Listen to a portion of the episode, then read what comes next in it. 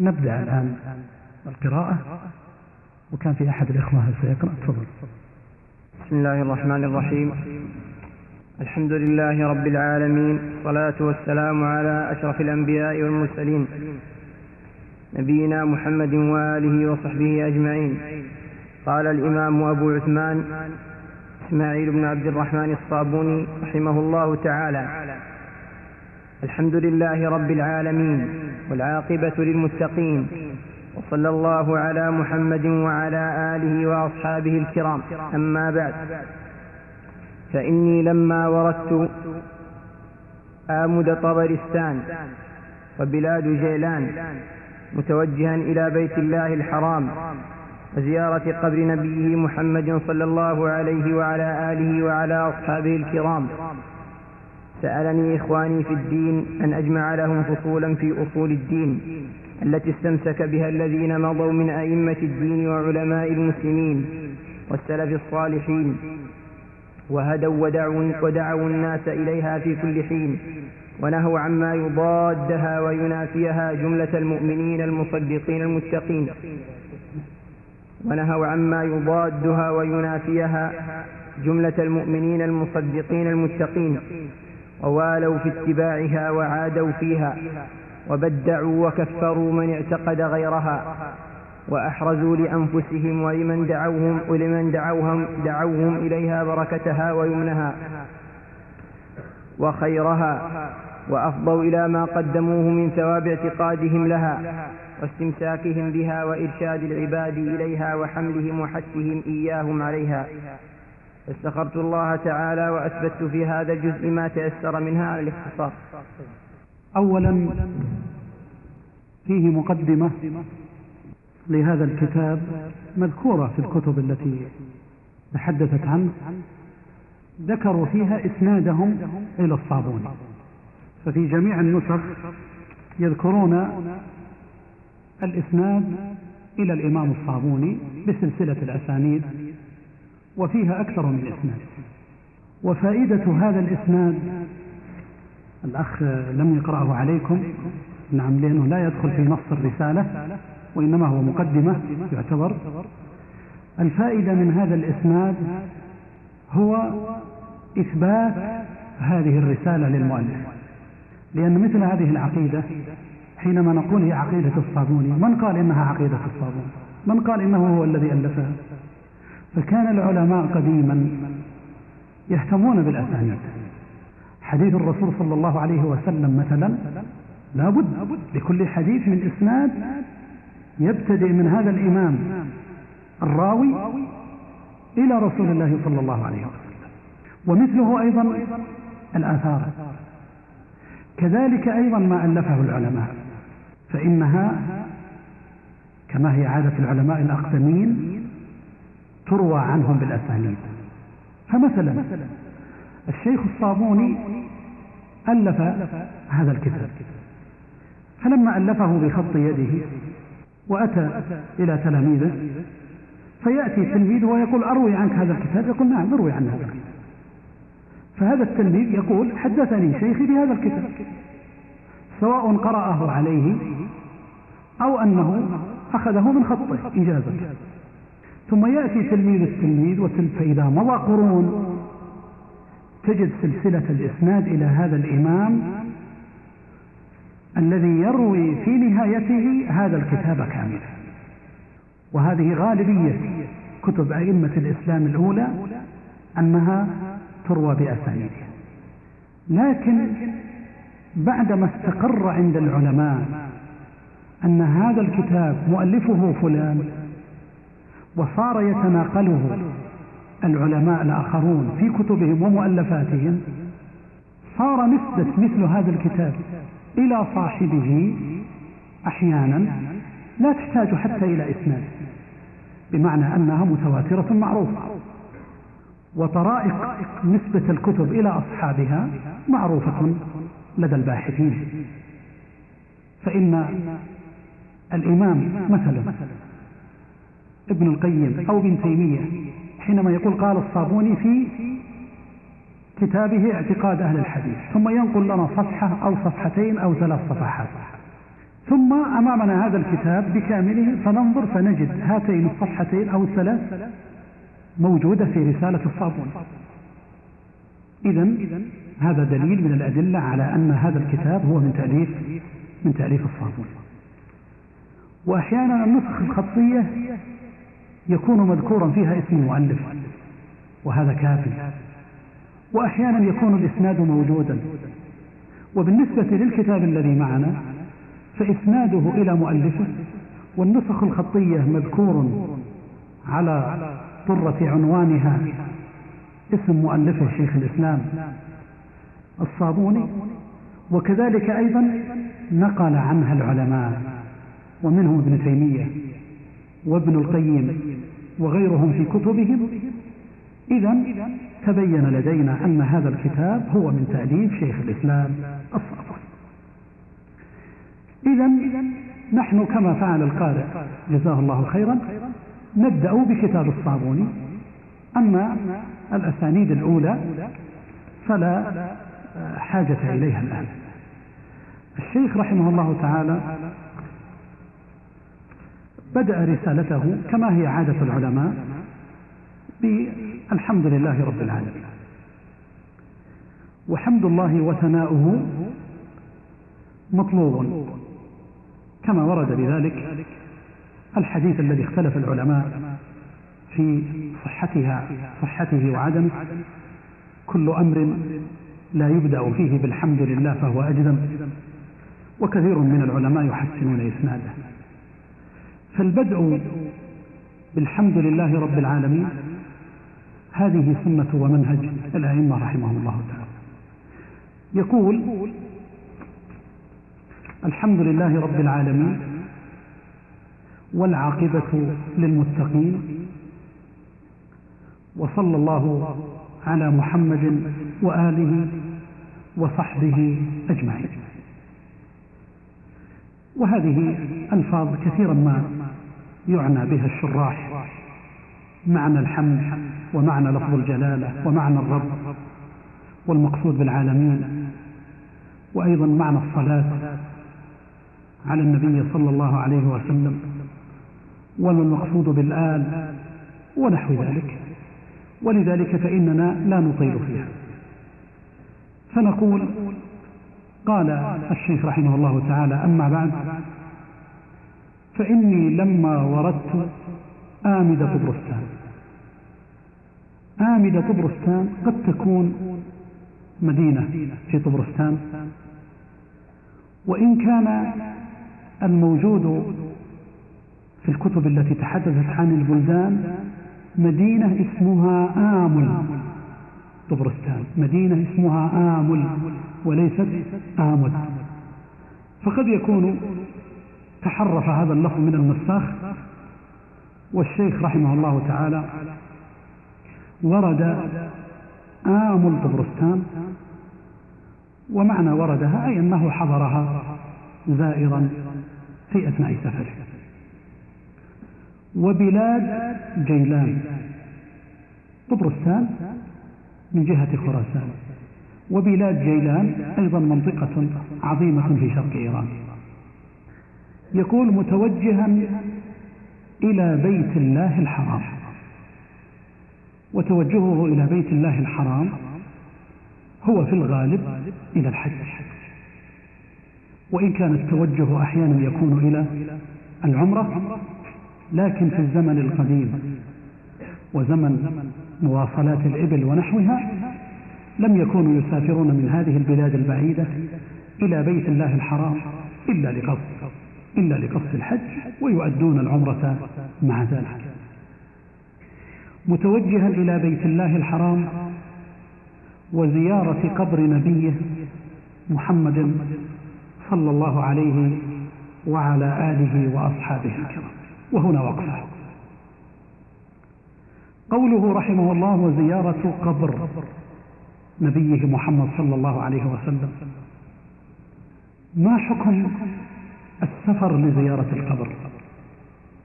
ونحن نعلم أن السفر لزيارة قبر رسول الله صلى الله عليه وسلم كما هو القول الصحيح المبني على الأدلة السفر لذلك لا يجوز. لأن النبي صلى الله عليه وسلم قال في الحديث الصحيح لا تشد الرحال إلا إلى ثلاثة مساجد مسجدي هذا والمسجد الحرام والمسجد الأقصى. ففهم منه العلماء أنه لا يجوز شد الرحال إلى قبر النبي صلى الله عليه وسلم لهذا الحديث.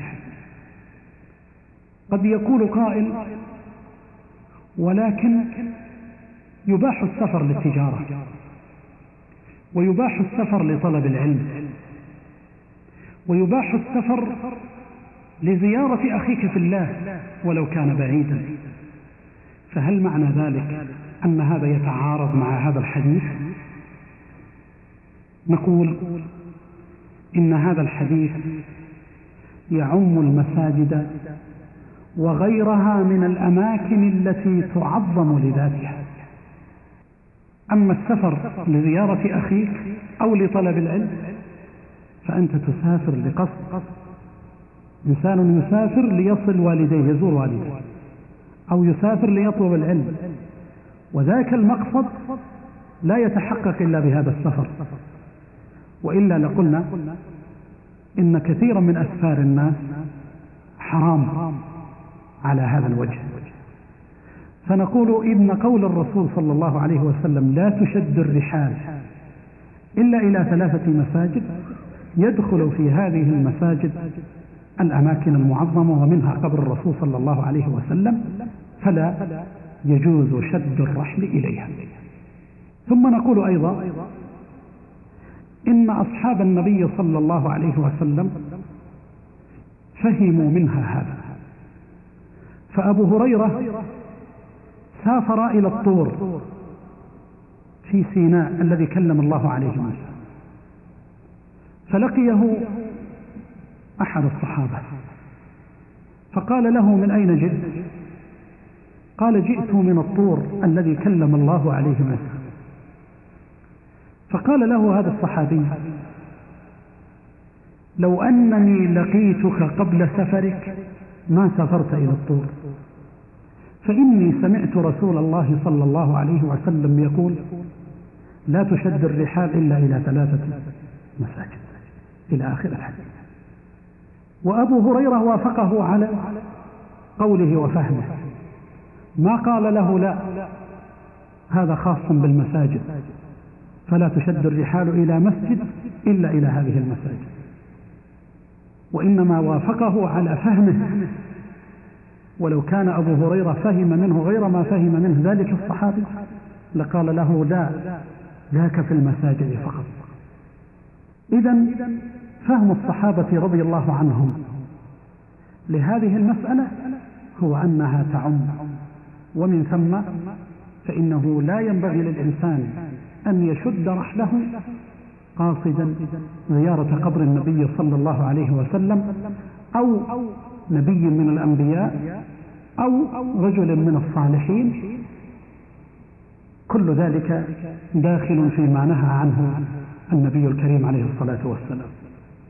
وهذا هو فهم الصحابة وفهم التابعين ومن تبعهم. ولهذا كان العلماء والأئمة رحمهم الله تعالى يذكرون في ذلك سفرهم لزيارة مسجد رسول الله صلى الله عليه وسلم للصلاة فيها لأن الصلاة فيه مضاعفة. لكن زيارة قبر الرسول صلى الله عليه وسلم إنما تأتي تبعا. فإذا زار مسجد رسول الله صلى الله عليه وسلم فإنه يزور الرسول عليه الصلاة والسلام ويسلم عليه على خلاف بين أئمة السلف في المجيء إلى القبر نفسه.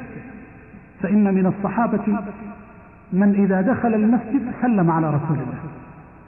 ومنهم مثل عبد الله بن عمر رضي الله عنهما من كان إذا دخل المسجد أتى إلى القبور الثلاثة وسلم على رسول الله صلى الله عليه وسلم ثم سلم على أبي بكر الصديق ثم على أبيه عمر بن الخطاب. وهذا هو فهم الأئمة رحمه الله تعالى إلى أن نشأ التصوف الذي أدى إلى أنواع من الانحرافات فيها تعظيم للأولياء وكان التعظيم أكثر ما يكون عند هؤلاء لرسول الله صلى الله عليه وسلم حتى أجاز التوسل به وأجازوا أيضا السفر لزيارة قبره. بعد هذا التعليق نقول الصابوني رحمه الله تعالى كيف يقول وهو شيخ الإسلام وزيارة قبر نبيه متوجها إلى بيت الله الحرام وزيارة قبر نبيه محمد صلى الله عليه وآله وسلم. ونقول عن هذا جوابان أحدهما أن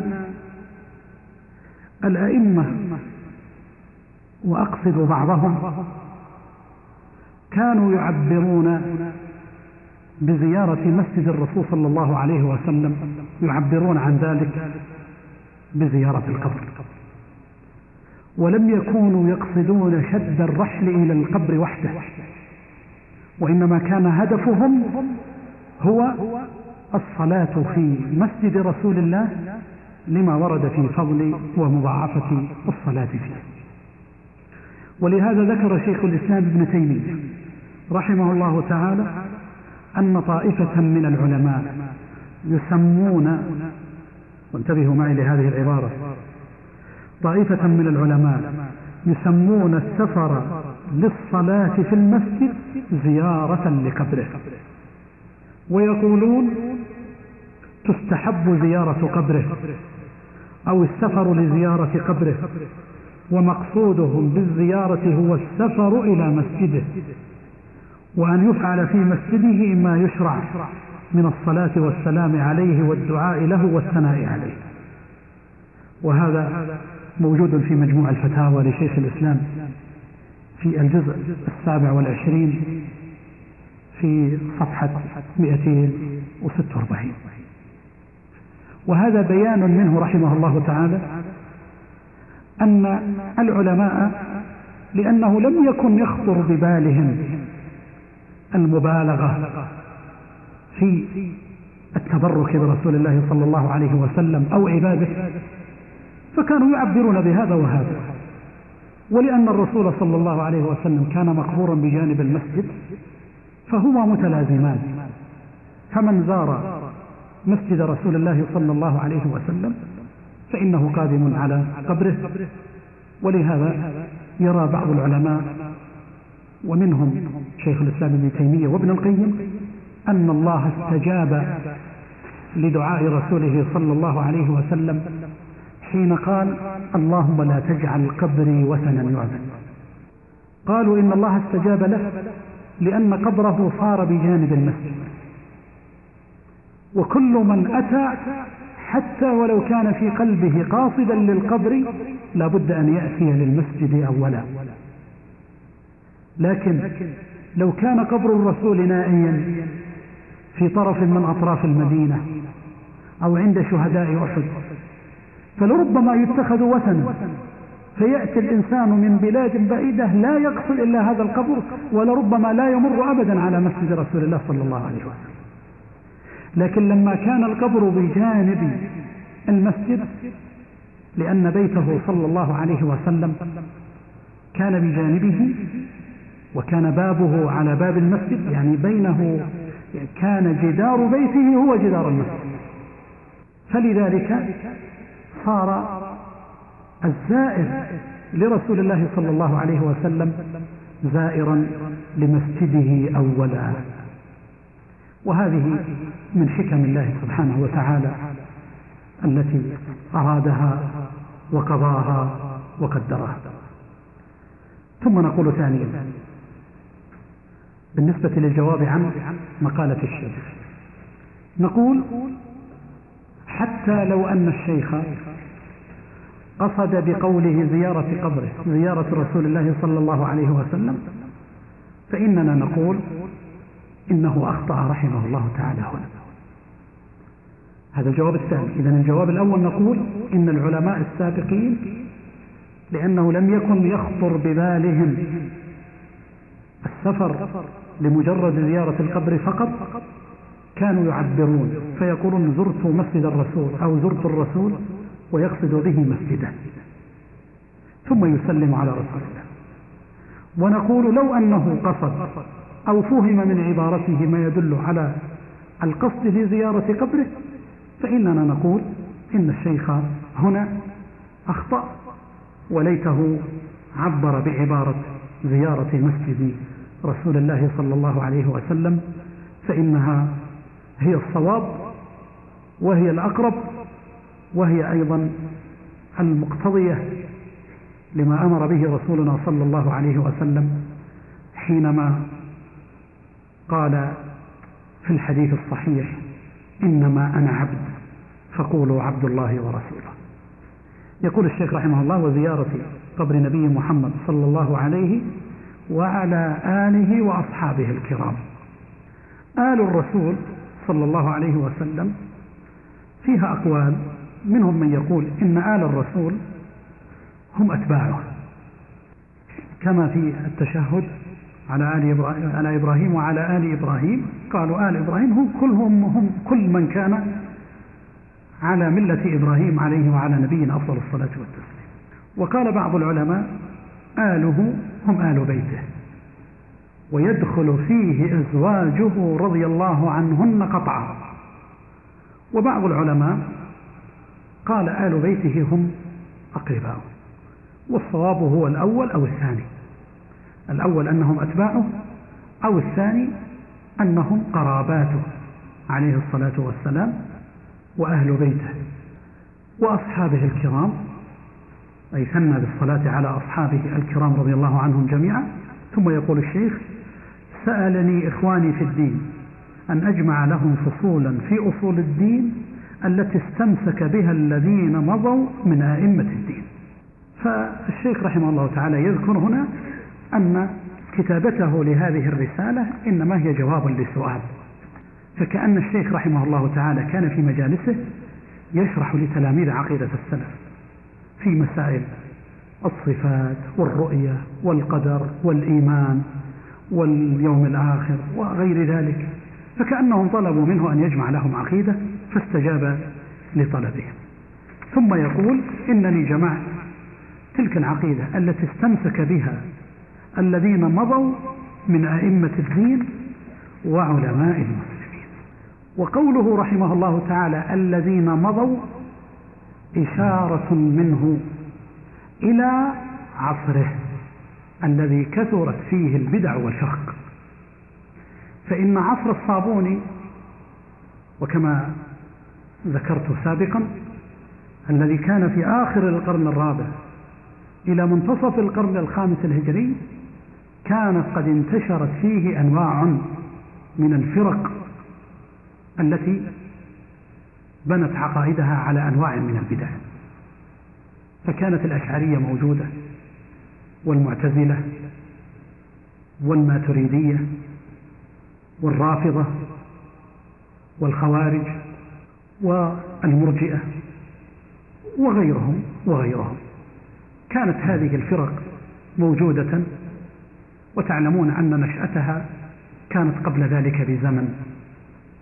لكن في زمن الصابوني رحمه الله تميز بنشوء ووجود الأشاعرة والماتريدية تلاميذ أبي الحسن الأشعري وتلاميذ أبي منصور الماتريدي الذين كانوا يزعمون أنهم هم أهل السنة فقط. فالشيخ رحمه الله تعالى أراد أن يميز هذه العقيدة بأي شيء أراد أن يميزها بأن ينقلها عمن مضى عمن مضى من العلماء. ولهذا سيسوق في آخر الرسالة تقريبا سيسوق عقائد أو الذين حكى عنهم هذه العقائد من الأئمة على مختلف البلدان والأعصار قبله رحمه الله تعالى. وهذا لبيان أن أولئك الذين مضوا وكانوا على الحق ناهجين أن هؤلاء هم الأئمة حق. وهم الذين يؤخذ بقولهم وهم الذين يتحاكم إلى قولهم عند الخلاف. فكأن الصابوني رحمه الله تعالى يقول لتلاميذه ويقول لمن يقرأ كتابه هذا الآن نشأت الفرق. وكل يدعي وصلا بليلى كل يدعي أن معه الحق. فإلى من نتحاكم؟ هذا يقول أنا معي الحق وذاك يقول لا أنا معي الحق. إلى من نتحاكم؟ الشيخ رحمه الله يقول نتحاكم إلى من مضى. وعلى رأسهم الصحابة وعلى رأسهم أئمة التابعين. وننظر ما هي عقيدتهم ما هي مقالاتهم ما هي أقوالهم كيف رووا حديث رسول الله صلى الله عليه وسلم؟ فنأخذ بقوله. لأنه لو فتح الباب لكل خلاف كما يقول البعض الآن ممن ربما يتطرق إلى بعض القضايا ومثلها مثلا مسألة زيارة القبر أو مسألة التبرك التي عممت على رسول الله بعد وفاته وعلى الصالحين والأولياء وغير ذلك. يأتيك هذا القائل ليقول مثلا هذا كلام الأئمة. كلام أئمتنا هذا هو كلام نقول له ومن هم الأئمة؟ لأن هؤلاء الأئمة إذا كان هؤلاء قد قالوا بتلك المقالات وخالفوا فلا بد أن يتحاكم إلى من بعده لأن من أقرانهم من خالفهم في هذه المسائل. فمن الذي معه الحق؟ وكل خلاف لا بد أن يرجع إلى الذي قبله. خلاف أهل القرن الرابع والخامس يرجع إلى خلاف التابعين وخلاف التابعين يرجع إلى خلاف الصحابة وإذا اختلف الصحابة يرجع إلى قول الرسول صلى الله عليه وسلم نفسه فهو المرجع. وهكذا. يقول رحمه الله وعلماء المسلمين والسلف الصالحين. السلف في اللغة هم من سبق لكن قيدها بقوله الصالحين ليبين أنه ليس كل من سبق لزاما يكون صالحا لأنه وجد في عهد الصحابة من ظل وجد القدرية في عهد الصحابة. ووجد أيضا الخوارج في عهد الصحابة. فلا يقال إن هؤلاء لأنهم نشأوا في عهد الصحابة إذا هؤلاء كلهم سلف. نقول كلهم سلف لغة. لكن يميزون من كان على منهاج الرسول وعلى منهاج الصحابة الكرام فهؤلاء سلف صالح. هم الذين يقتدى بقولهم ويؤخذ بها ويتحاكم إليها عند الاختلاف في فهم النصوص وتفسيرها. كما ستأتي الإشارة إلى ذلك إن شاء الله تعالى. ثم يقول عن هؤلاء العلماء وهدوا ودعوا الناس إليها في كل حين. وهذا دأب الأئمة رحمهم الله تعالى أنهم دعاة. الصحابة دعاة إلى عقيدة السلف والتابعون ومن بعدهم. هؤلاء الأئمة لو تتبعتم أقوالهم لوجدتم أن الفرق الضالة معدودة محدودة. لكن لأنها صار لها كتب وصار فيه من يؤيدها أحيانا وإلا فعموم المسلمين في أمصار الأرض التي امتدت إلى مشارق الأرض ومغاربها كانوا أئمة سنة يسلكون وينهجون نهج السلف الصالح رحمه الله تعالى. فهؤلاء الأئمة هدوا ودعوا الناس إليها في كل حين ونهوا عما يضادها وينافيها. جملة المؤمنين المصدقين المتقين. نعم. وهذا منهجهم. يشرحون عقيدة السلف لكنهم أيضا يفضحون من خالفها من الخلف. ولهذا قال ونهوا عما يضادها وينافيها. نعم. من العقائد والانحرافات. وتحذير أئمة السلف رحمهم الله تعالى هو تحذير معروف مدون في الكتب تحذيرهم من أهل البدع تحذيرهم من الفرق الضالة وهذا منهج صحيح. لا بد من شرح عقيدة السلف ولا بد من بيان ما يضادها وأعلى ذلك وأعظمه التوحيد. فإن التوحيد إنما يقوم على عبادة الله وحده وعلى الكفر بالطاغوت. ولقد بعثنا في كل أمة رسولا أن يعبدوا الله واجتنبوا الطاغوت. وكذلك أيضا بالنسبة لما دون ذلك من مسائل الاعتقاد. ثم قال ووالوا في اتباعها وعادوا فيها. وهذا منهجهم يوالون ويعادون فيها. من كان على منهج السلف الصالح نواليه ونحبه. ومن كان مخالفا لها فإننا نعاديه. وهذه العداوة بقدر بدعته. فإن كانت بدعته مكفرة عاديناه معاداة كاملة. وإن كانت بدعته مفسقة عاديناه بمقدار هذه البدعة هذه البدعة. ثم يقول وبدعوا وكفروا من اعتقد غيرها. قوله وبدعوا وكفروا البدعة معروفة. كل منهاج قصد به التعبد مخالف للشرع فهو بدعة. والبدعة على درجات. ولهذا قال الشيخ هنا وبدعوا وكفروا. فكأنه إشارة منه إلى أن ليست كل البدع مكفرة. بل من البدع ما هو مكفر ومنها ما ليس بمكفر ولذلك عطف. فقال وبدعوا وكفروا. وليس معنى عبارة الشيخ أن كل من بدعوه كفروا. لا. وإنما بدعوا البعض وكفروا البعض ممن اعتقد وبدعوا وكفروا من اعتقد غيرها. ثم قال وأحرزوا لأنفسهم ولمن دعوهم إليها بركتها وخيرها. يبدو عندكم إضافة كلمة ليست موجودة عندنا يمنها. عندنا بركتها وخيرها. والبركة واليمن والخير كلها قريبة المعنى. فهي ما ينتج عن هذه العقيدة من أثر على الإنسان أثر في دنياه في الاستقامة والعمل الصالح وأثر في أخرى في أن يكون من الناجين بإذن الله سبحانه وتعالى. وهذه أعظم البركة بالنسبة لهذه العقيدة السليمة.